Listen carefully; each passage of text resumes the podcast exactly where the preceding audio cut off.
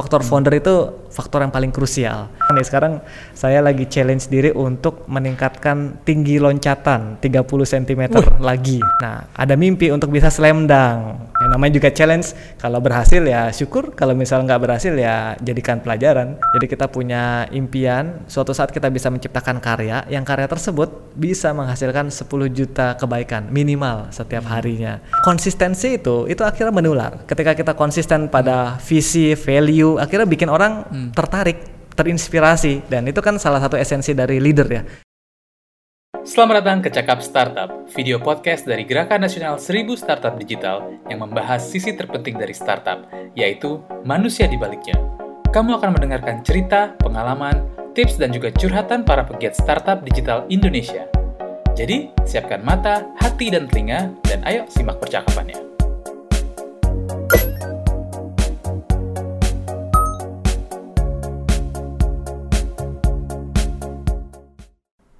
Halo, baik lagi di Cakap Startup. Di sini kita akan membahas tentang eh, manusia-manusia yang ada yang dan inspiratif di balik suksesnya sebuah startup. Nah, kali ini kita masuk ke episode ketiga. Eh, senang banget sudah bisa sampai sejauh ini. Kalau kemarin kita bahas topik mengenai gimana cara survive di industri startup dan gimana caranya apa untuk keluar dari masalah-masalah itu ngobrol dengan Pak Sam dari uh, Dirjen Aptika Kominfo. Sekarang kita udah ngobrol lagi sama satu startup founder dan katanya ini startupnya terinspirasi dari game. Nah, kita udah kedatangan uh, tamu, bukan kedatangan sih ya, kita udah mendatangi tepatnya karena di sini di Cakap Startup kita mendatangi startup-startup tapi kita tetap di rumah kita dan dia di rumahnya. Dan kali ini udah ada kedatangan CEO dari iGrow ada Mas Jai. Halo Mas Jai. Woi, Mas Okta, apa kabar? Sudah lama tidak bertemu ya. Uh, iya bener nih. Jangankan sebelum pandemi itu udah lama gak ketemu ya, tapi emang sering dengar sepak terjangnya Mas Andreas Sanjaya nih atau dipanggil Jai nih. Lah, gimana Mas gimana? Lebih keren so far. ya, baik-baik. Alhamdulillah masih sehat-sehat, diberikan berbagai macam karunia, masih beraktivitas seperti biasa juga. Oi mantap. Di sini nih kalau saya lihat Mas Jai di sini tuh kayak kaseto gitu, nggak pernah tua gitu mukanya. Apa sih rahasianya? Emang iya. Ini sudah mulai banyak uban nih kalau di Zoom nih. Oh iya. Banyak uban. Uban. An- saya poni udah mirip kayak juga- kaseto tinggal poni. Anaknya sudah dua. Oh ada dua, ya al- alhamdulillah ada dua. Jadi selain banyak menelurkan startup-startup baru, eh, juga ada anak sendiri ya. Udah dua sekarang ya. Investasi dunia akhirat namanya. Widih, widih, ngeri, ngeri, ngeri, ngeri. nah, kalau ngobrol-ngobrol sama Mas Jai ini emang nggak ada apa ya, nggak ada matinya ya, karena banyak banget inspirasi yang kita dapat, nggak cuman di masalah eh, industri aja atau di masalah teknis, karena eh, Jai sendiri juga aktif banget di eh, di apa di company-nya di Bader Studio juga dan juga aktif di eh, inkubasi atau startup inkubator di UI ya, Jaya. Hmm. Yap, yap. Itu bantu-bantu aja Iya. kalau misalnya lagi ada waktu luang. Jadi sebenarnya kalau bilang anak udah dua, startup juga ada eh, nggak misalnya selain iGrow dan juga Bader Interaktifnya juga dan juga sempet-sempetnya ini apa ngebantu mahasiswa dan teman-teman juga di beberapa komunitas juga untuk eh, termasuk distribusi startup juga ya. Itu eh, Jai bisa menyumbangkan waktunya untuk sharing. Itu gimana sih bagi waktunya dan keluarga ini nggak sih sempet eh, masalah nggak sih bagi-bagi prioritas gitu?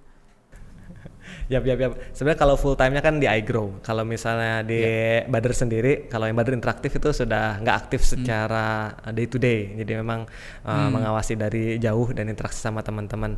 Nah, kalau yang Ya. biasa interaksi sama teman-teman startup tuh itu biasanya itu adalah uh, hobi aja. Jadi kita kita suka ngobrol, kita saya sendiri suka ngalokasikan Hmm. waktu misalnya per pekan berapa jam untuk sharing-sharing. Jadi ter- Ya. bukan hanya di Bader tapi juga di luar Bader termasuk di UI karena uh, banyak ikatan emosional ya dengan kampus sehingga balik lagi ke kampus dan pengennya bisa bantuin teman-teman yang pengen jadi founder dari kampus supaya memang nggak mengulangi kesalahan yang diulangi dan banyak banget yang pernah dialami waktu dulu.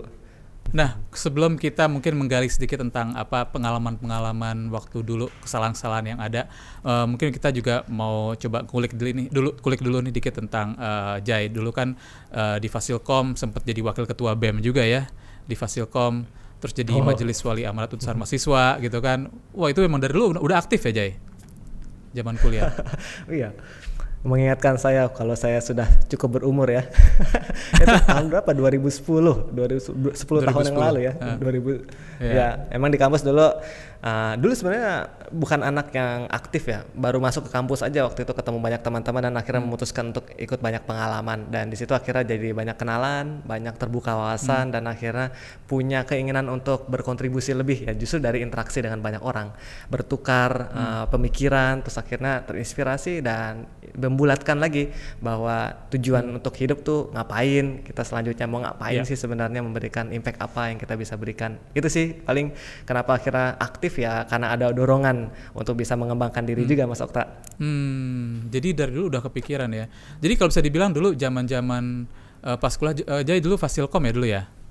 Yep, Fasilkom. Itu itu kan ada stigmanya nih yang namanya anak IT itu pasti introvert gitu. Dulu sendiri Jai dulu cukup aktif atau ya, ekstrovert atau gimana nih? Dulu hitungannya. Ya betul. Stigma itu bener sih uh, Mas Okta. Saya sendiri yang yang yeah. pertama ya yang jadi majelis wali amanat dari Fakultas Ilmu Komputer.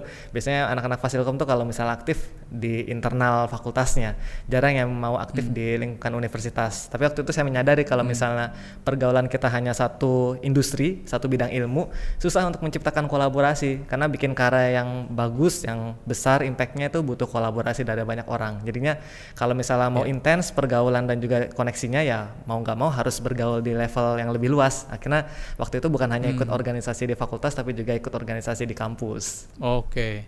Dan itu akhirnya apa tuh yang didapat hmm. waktu pas ikutan itu? Wah banyak banget. Jadi emang uh, pertama kan banyak orang yang bilang kalau misalnya organisasi itu melatih soft skill dan itu emang bener banget. Tapi lebih spesifik lagi adalah gimana cara kita untuk bisa berinteraksi dengan orang, melatih empati. Jadi gimana cara kita mengambil hmm. keputusan, ya memang memperhatikan orang-orang. Gimana cara kita untuk mengambil sikap, memberikan memberikan berbagai macam pandangan, memperhatikan berbagai macam jenis orang yang kita ajak interaksi. Kalau dulu waktu di Majelis Wali Amanat sendiri kan rekan kerjanya bukan hanya uh, dosen ya, tapi juga guru besar bahkan selevel menteri. Jadi ketika hmm. ngasih pendapat, pandangan, wow. mau membawa kepentingan kita itu sendiri kan butuh strategi, butuh pembawaan yang bagus. Nah itu kelatih banget di situ akhirnya dan itu kebawa hmm. akhirnya ketika mendirikan startup gimana cara kita bisa memunculkan empati dan akhirnya mengetahui problem apa yang dimiliki oleh user kemudian gimana memunculkan empati sehingga akhirnya hmm. rekan anggota tim kita juga merasakan kalau misalnya kita emang bikin tim ini tulus pengen maju bersama-sama bukan hanya sekedar saling bukan hanya sekedar memanfaatkan satu pihak aja Iya, iya, menarik banget ya. Biasanya kan waktu itu kan pas waktu jadi uh, Majelis Wali Amanat Utusan Mahasiswa kan katanya berkaitan dengan uh, apa pemerintah juga, bahkan mungkin industri ketemu juga.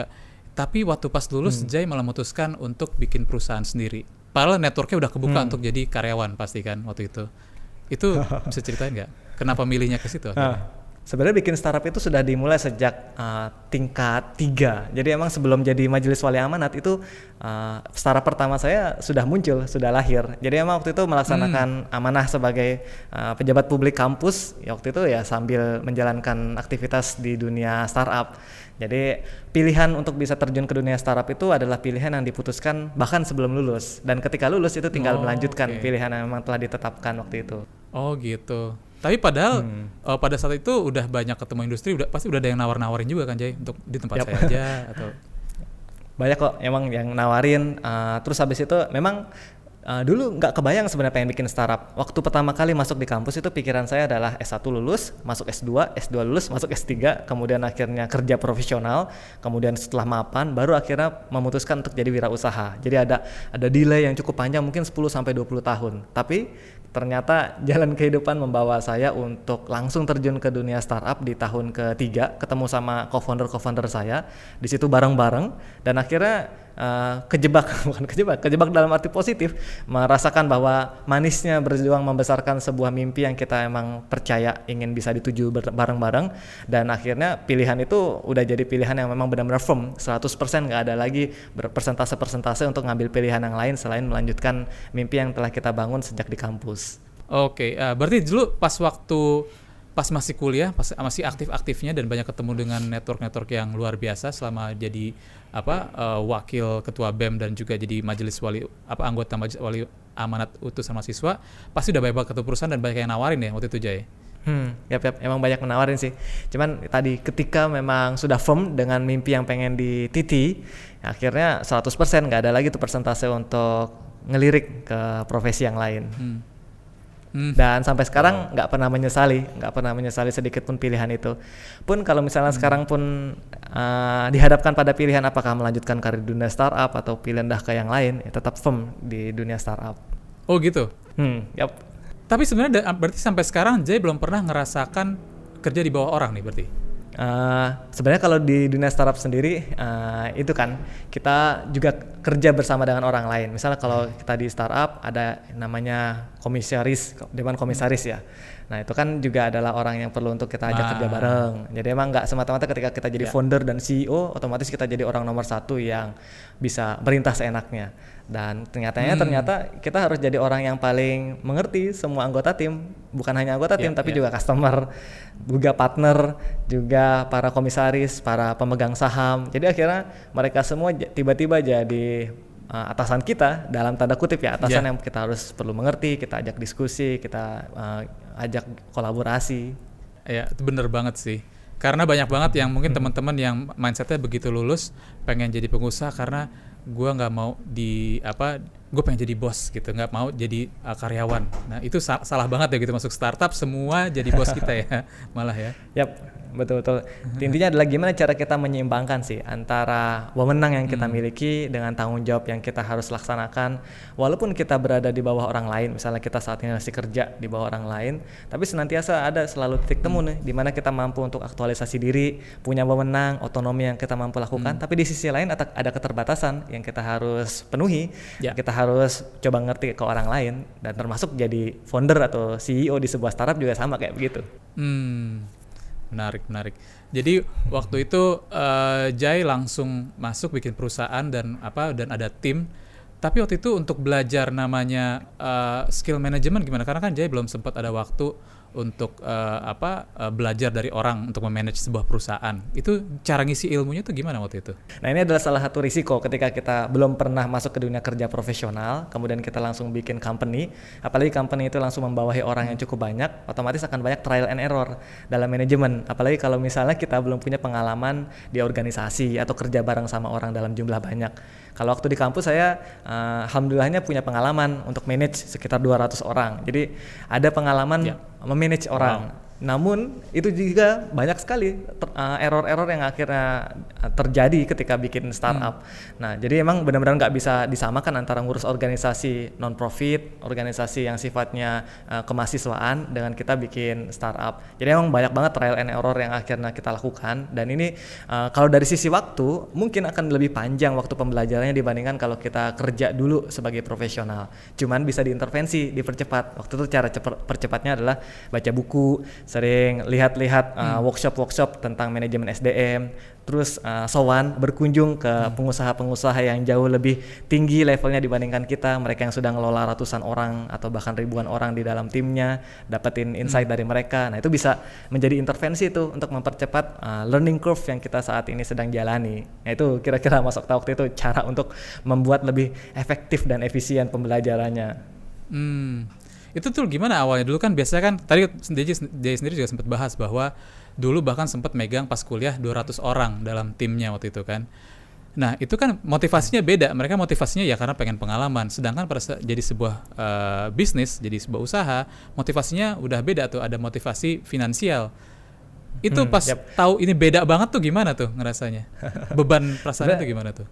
Yap, kalau misalnya waktu mimpin organisasi yang non profit, sebenarnya itu ada satu sisi yang lebih challenging karena mereka bekerja berdasarkan pada voluntary. Jadi kita harus memanage agar motivasi mereka tetap tinggi tanpa insentif materi. Nah di situ akhirnya jadi arena berlatih supaya kita ketika nanti bikin perusahaan atau memanage orang dengan basis insentif, kita bukan hanya sekedar mengendalikan mereka dengan basis insentif atau wewenang struktural, kita jadi bos, kita direktur, kita manajer misalnya, tapi kita mampu menggerakkan mereka dengan value dengan mimpi, dengan visi yang memang kita ingin tuju. Nah itu akhirnya banyak belajar di situ. Menggerakkan orang yang akhirnya mau bergerak bersama kita tanpa iming-iming insentif, itu akan mempermudah kita untuk bisa menjalankan organisasi, walaupun di organisasi tersebut kita memberikan insentif, tapi orang tersebut tetap tergerak bukan hanya sekedar insentif, tapi ada tujuan bersama yang pengen di- dipegang bareng-bareng. Makanya kalau lihat pola manajemen startup selama ini, memang pendekatannya itu adalah basisnya tujuan bareng-bareng yang kita ingin tuju. Ada ya. insentif materinya, tapi itu hanyalah salah satu hak dan kewajiban dari interaksi kita dengan sesama anggota tim. Keren. Waktu itu boleh tahu nggak ya apa value-nya apa yang waktu itu uh, Jai tawarkan, mimpi apa yang Jawa Jai tawarkan hmm. ke tim? Sesederhana sebenarnya kita pengen bikin karya yang karya tersebut bisa memberikan kebaikan ke sebanyak-banyaknya orang. Intinya sih hmm. nabung kebaikan sebanyak-banyaknya. Nah, dan mimpi itu sinkron dengan orang-orang karena anak-anak yang lainnya juga merasa bahwa hidup ini kayaknya akan basi atau nggak ada nggak ada tantangannya kalau kita hanya sekedar memberikan manfaat untuk diri kita atau orang-orang hmm. segelintir orang di sekitar kita. Maka harus bisa nih banyak orang lebih merasakan manfaat lagi dengan karya yang kita ciptakan. Nah, itu yang yang waktu itu dijadikan sebagai salah satu patron dan sampai sekarang patronnya masih sama kita bermimpi untuk bisa menciptakan wow. sebanyak-banyaknya kebaikan melalui setiap karya-karya yang kita ciptakan dari tangan-tangan kita hmm. Wah gila keren banget. Tapi pernah nggak sih Jay nemuin ada satu anggota tim tuh yang pas uh, mungkin dia ada isu pribadi di keluarga atau gimana sampai mungkin value yang sempat ditanamin di mereka tuh juga sempat down gitu. Nah itu gimana hmm. cara uh, naikin lagi motivasi lagi mereka dan naikin lagi value tetap ada di mereka tuh pernah nggak nemuin? Oh, yap. Itu kejadian yang nggak akan bisa dihindarkan sih. Jadi pengalaman selama ini juga ada aja misalnya anggota tim yang memang akhirnya memutuskan untuk resign karena tuntutan keluarga pengen jadi PNS misalnya untuk bisa hmm. mendapatkan satu kenyamanan dari sisi materi yang lebih tinggi dan itu bukanlah hal yang menurut kita hal yang sangat apa ya jelek justru itu adalah hal yang hmm. lumrah manusiawi. Jadi Eh, nggak uh, masalah terkait dengan hal tersebut. Toh yang namanya kita bikin karya bukan hanya sekedar di startup yang kita saat ini jalani. Setiap startup setiap perusahaan setiap entitas entitas pemerintah, entitas hmm. swasta, NGO dan lain sebagainya itu adalah tempat berkarya. Asalkan memang niatnya dan juga kerja-kerja kita emang kita benar-benar optimalkan secara serius supaya nanti jadi karya yang benar-benar bikin manfaat buat orang banyak, itu akhirnya masih satu visi, satu value segaris dengan kita. Jadi nggak pernah ada pengekangan, kamu jangan sampai sekali-sekalinya resign, karena kalau resign berarti kamu mengkhianati apa yang telah saat ini kita telah bangun. Nah itu bukan kayak gitu juga. Jadi emang ini adalah sebuah perjalanan yang jalan ini kita ajak sebanyak-banyaknya orang untuk ikut bareng-bareng tapi ketika orang tersebut merasa ada jalan yang dengan kebutuhan dengan parameter variabel-variabel yang mereka miliki itu lebih fit dengan mereka nggak masalah. Sepanjang jalan itu sama-sama menuju jalan-jalan kita bikin karya untuk bisa memberikan manfaat. Wah, aku nggak kebayang tuh Jay. Maksudnya waktu itu Jay baru lulus kuliah, udah mesti memanage sebuah perusahaan dan harus apa uh, menjaga motivasi anak-anak gitu dengan value-value yang memang dari awal Jay sendiri yang menanam. Itu pernah ngerasa kayak gagal nggak sih dalam dalam menjalankan itu? Saat ada satu tim oh. yang down gitu demotivated gitu? Banyak sih yang down uh, sebenarnya. Cuman bukan ke arah orang-orang uh, yang termotivasi daunnya itu lebih ke arah kita merasa gagal untuk bisa membuat sebuah entitas atau perusahaan yang cukup kuat sehingga akhirnya mampu untuk menjadi sarana aktualisasi diri orang-orang, mampu untuk bisa menjadi sumber penghasilan yang cukup hmm. buat orang-orang, mampu untuk bisa menuangkan berbagai macam potensi dirinya sehingga akhirnya teroptimalkan. Lebih ke arah kegagalan itu sih kalau yang dirasakan ya. Jadi kalau pilihan untuk uh, pergi misalnya itu kan adalah pilihan yang bersangkutan. Cuman di situ ada satu kegagalan tersendiri yang saya akhirnya rasakan bahwa kita harus melaju lebih cepat karena kalau kita nggak melaju, melaju lebih cepat kemampuan laju orang-orang yang ada di dalamnya ketika lebih cepat dari organisasi itu nanti akhirnya organisasinya nggak akan jadi begitu menarik untuk bisa diikuti. Oke, okay, berarti sekarang uh, Badar Interaktif sendiri sebagai production development house udah berjalan 10 tahun aja ya. Itu yang dibangun dari awal banget pas masih hmm. kuliah waktu itu kan.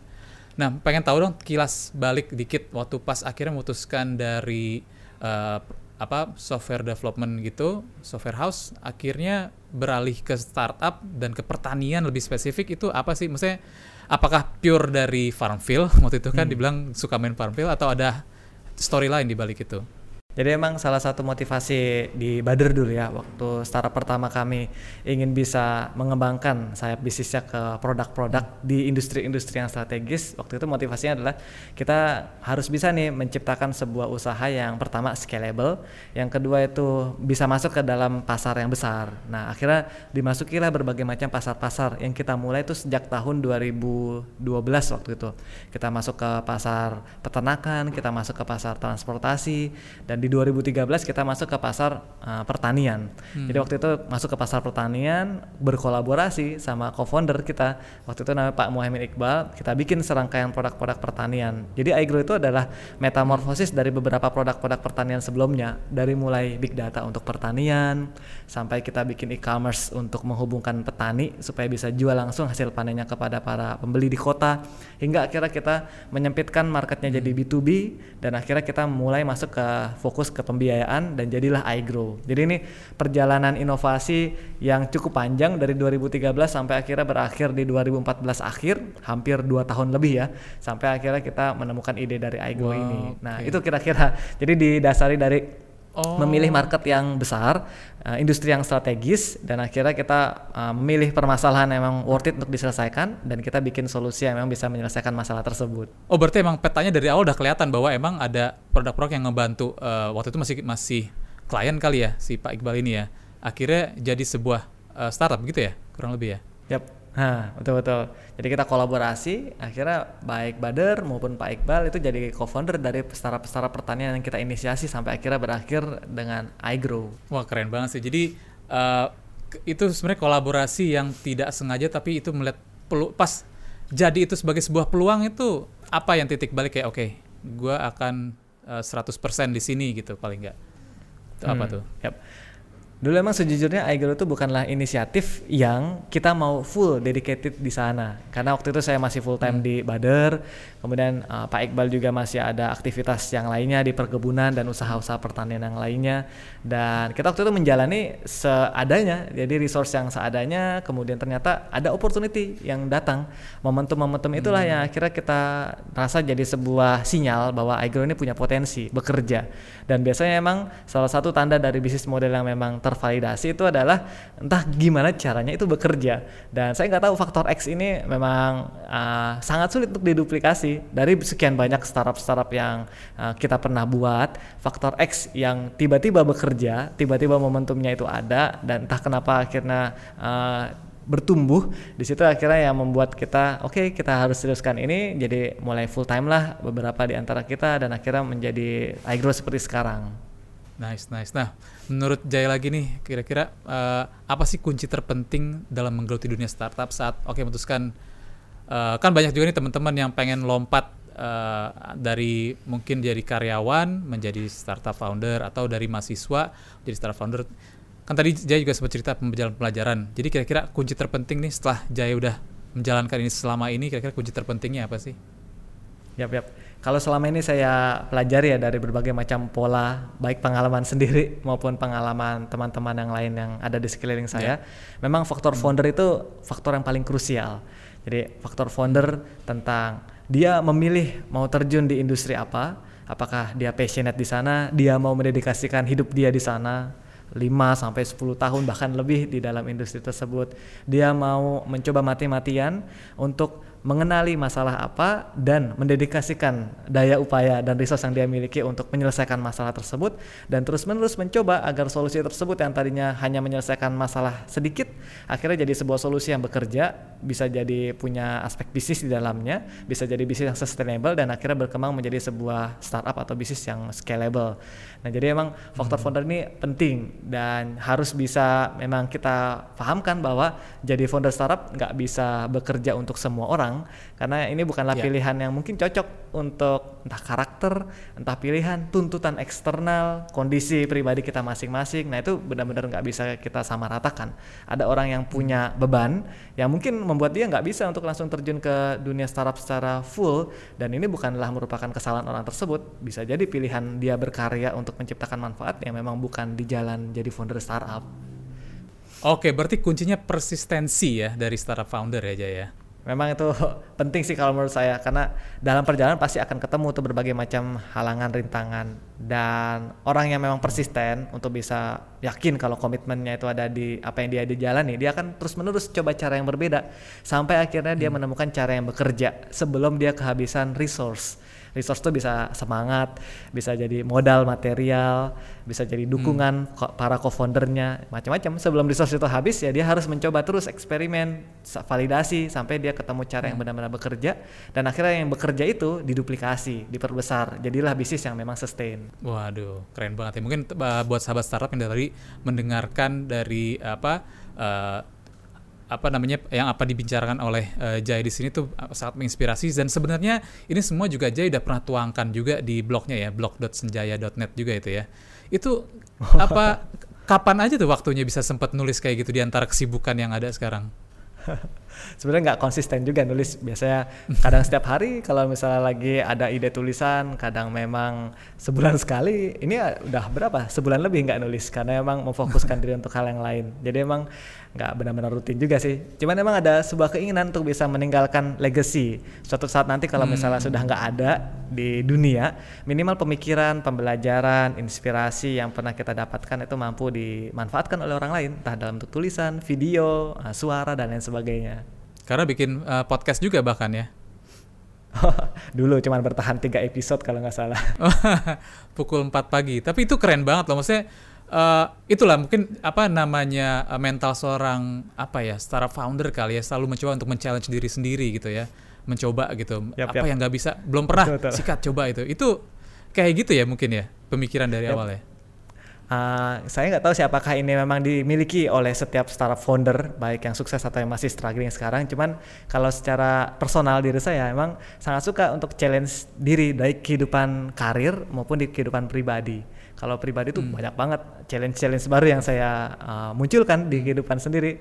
Kayak sekarang nih sekarang saya lagi challenge diri untuk meningkatkan tinggi loncatan 30 cm lagi.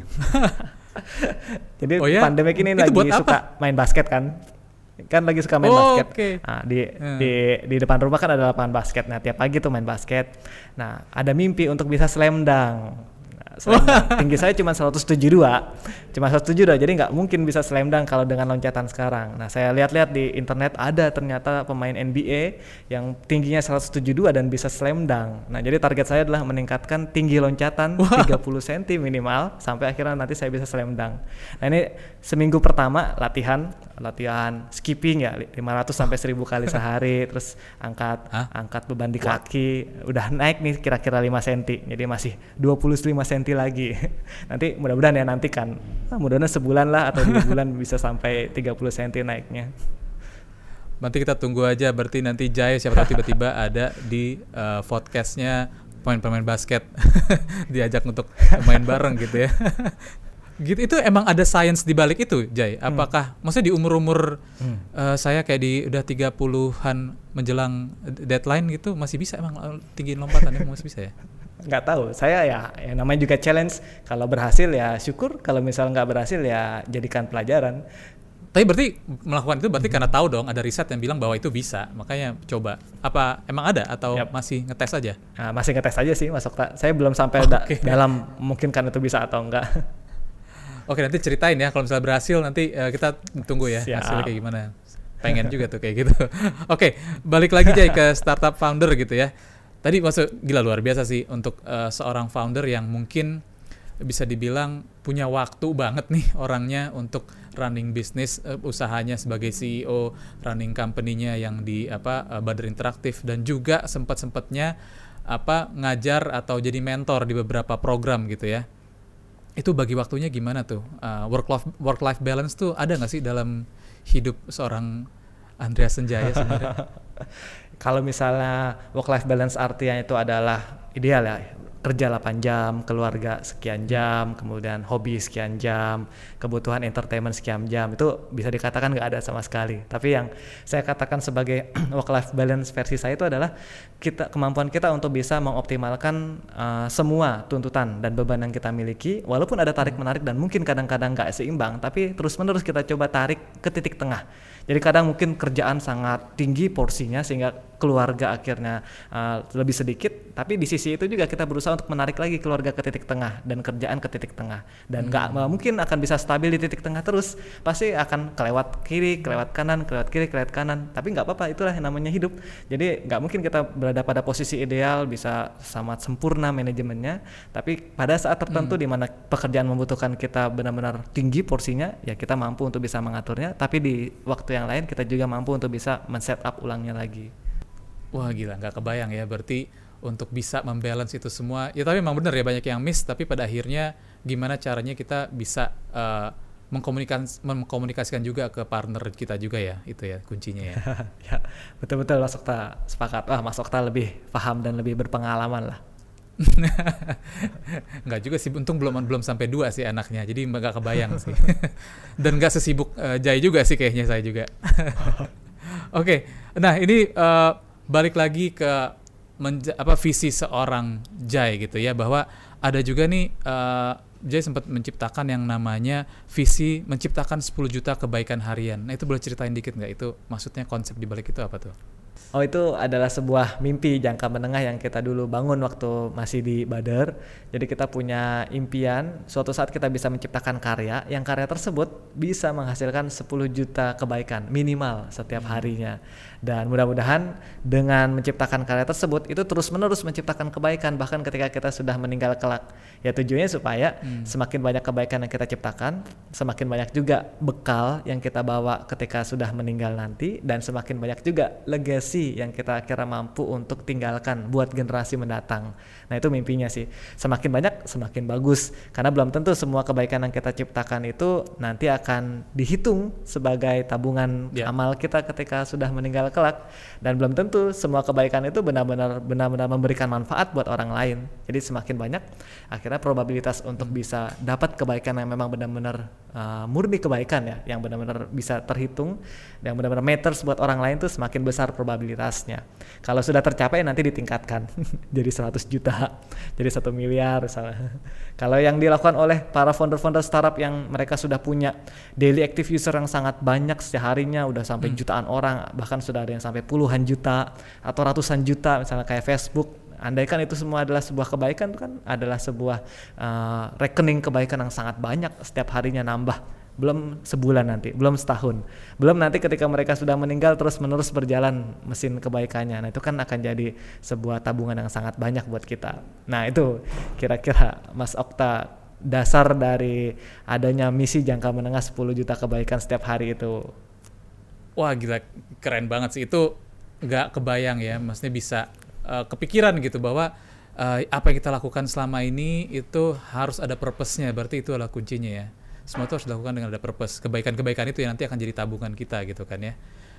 Tapi hmm. ada pertanyaan terakhir nih mungkin buat Jai masalah purpose. Uh, tapi gimana sih caranya dari dengan rutinitas kita jalani dan dengan harapan ada purpose-nya gitu ya di ujung perjalanan itu gimana cara kita memastikan bahwa semuanya itu yang kita lakukan tuh ada progresnya? Gimana cara kita memastikan bahwa kita tuh berprogres? Kalau saya sih orangnya ini ya sangat suka dengan sistem jadi suka dengan beberapa mekanisasi di mana kita mampu untuk mengukur progres, di mana kita mampu mengevaluasi gimana kekurangan saat ini. Makanya kalau di rumah itu ya bikin sendiri akhirnya dashboardnya uh, berapa banyak yang saat ini kita sudah capai, Hah? masih kurang berapa lagi.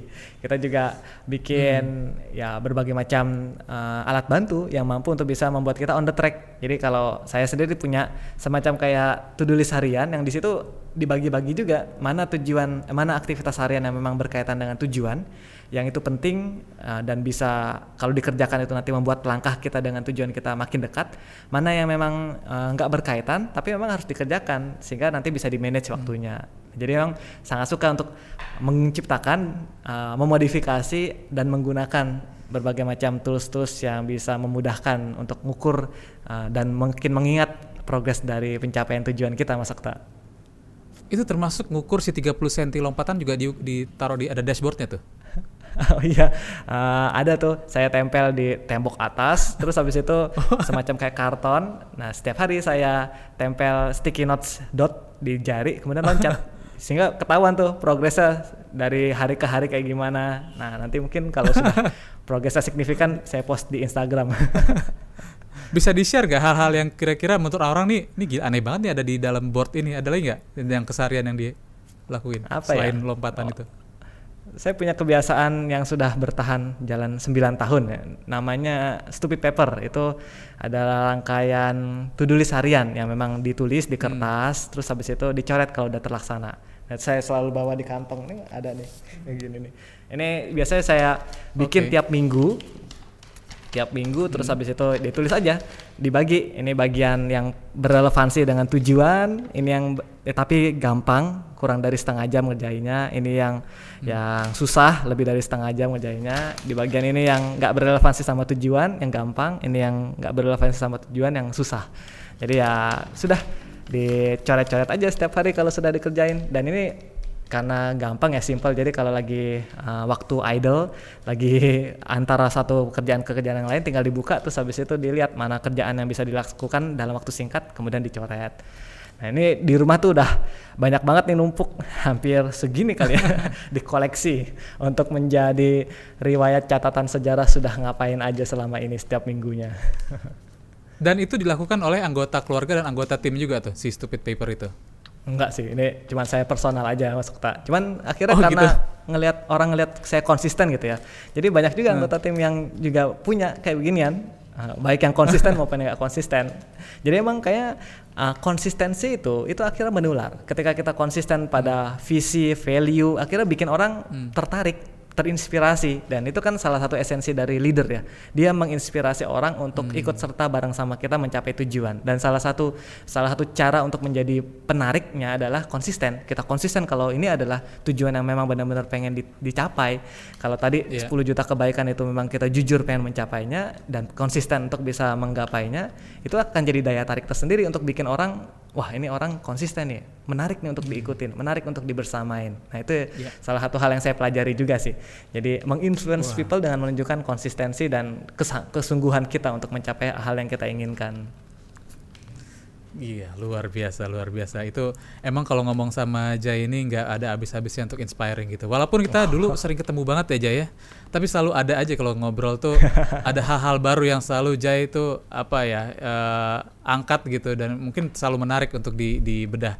Terima kasih Jay, terima kasih banyak untuk waktunya, udah mau berbagi sharing ilmu-ilmunya dan sharing juga experience-nya juga.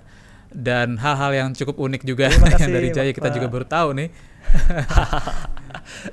maaf ya Dan- kalau banyak yang aneh-aneh semoga bermanfaat Oh, n- tentu nggak nggak malah nggak usah. Menurut karena menurut kita yang namanya kalau mau story tentang iGrow sendiri udah banyak banget teman-teman sahabat sahabat bisa lihat di mana tuh di YouTube di segala macam juga bisa lihat.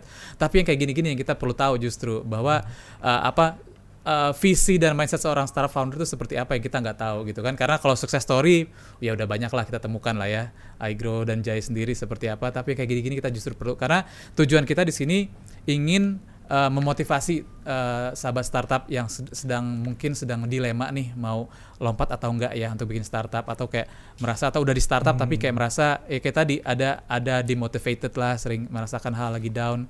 Nah, itu hal yang kayak gini kita butuh uh, masukan nih dari dari uh, para startup founder juga gitu. Karena memang kuncinya dari manusianya itu kan untuk membuat sebuah startup itu sukses. Jadi Jai, terima siap, kasih siap. sekali lagi atas waktunya. Sehat-sehat terus, semoga tetap terinspirasi dan semoga bisa mencapai 30 cm lompatan ya selama ke depan. Dan semoga nanti setelah masa pandemi kita main basket Amin. bareng lah Jay. Ya, saya juga kangen mau main ke sekitar Depok. Ketemu alma mater. Oke. Terima kasih banyak eh, Jai dan juga untuk sahabat startup terima kasih juga sudah mengikuti di episode yang ketiga ini dan kita pengen nih justru inspirasi-inspirasi seperti ini yang akan jadi eh, motivasi kita juga untuk ke depan untuk bagaimana cara kita bisa eh, mengajak orang-orang untuk share ke sahabat startup semua. Nah, it- dari saya sekian dulu. Terima kasih sudah bisa mengikuti ini dan jangan lupa untuk eh, subscribe di Gerakan Nasional Seribu Startup di YouTube channel kita dan ada juga bisa juga follow di Instagram Seribu Startup Digital dan juga di Twitternya. Untuk itu saya ucapkan terima kasih atas perhatiannya dan semoga kita ketemu lagi di episode berikutnya. Terima kasih. Sampai ketemu lagi. Ya, Stay safe ya teman-teman. peserta. Thank you Jai.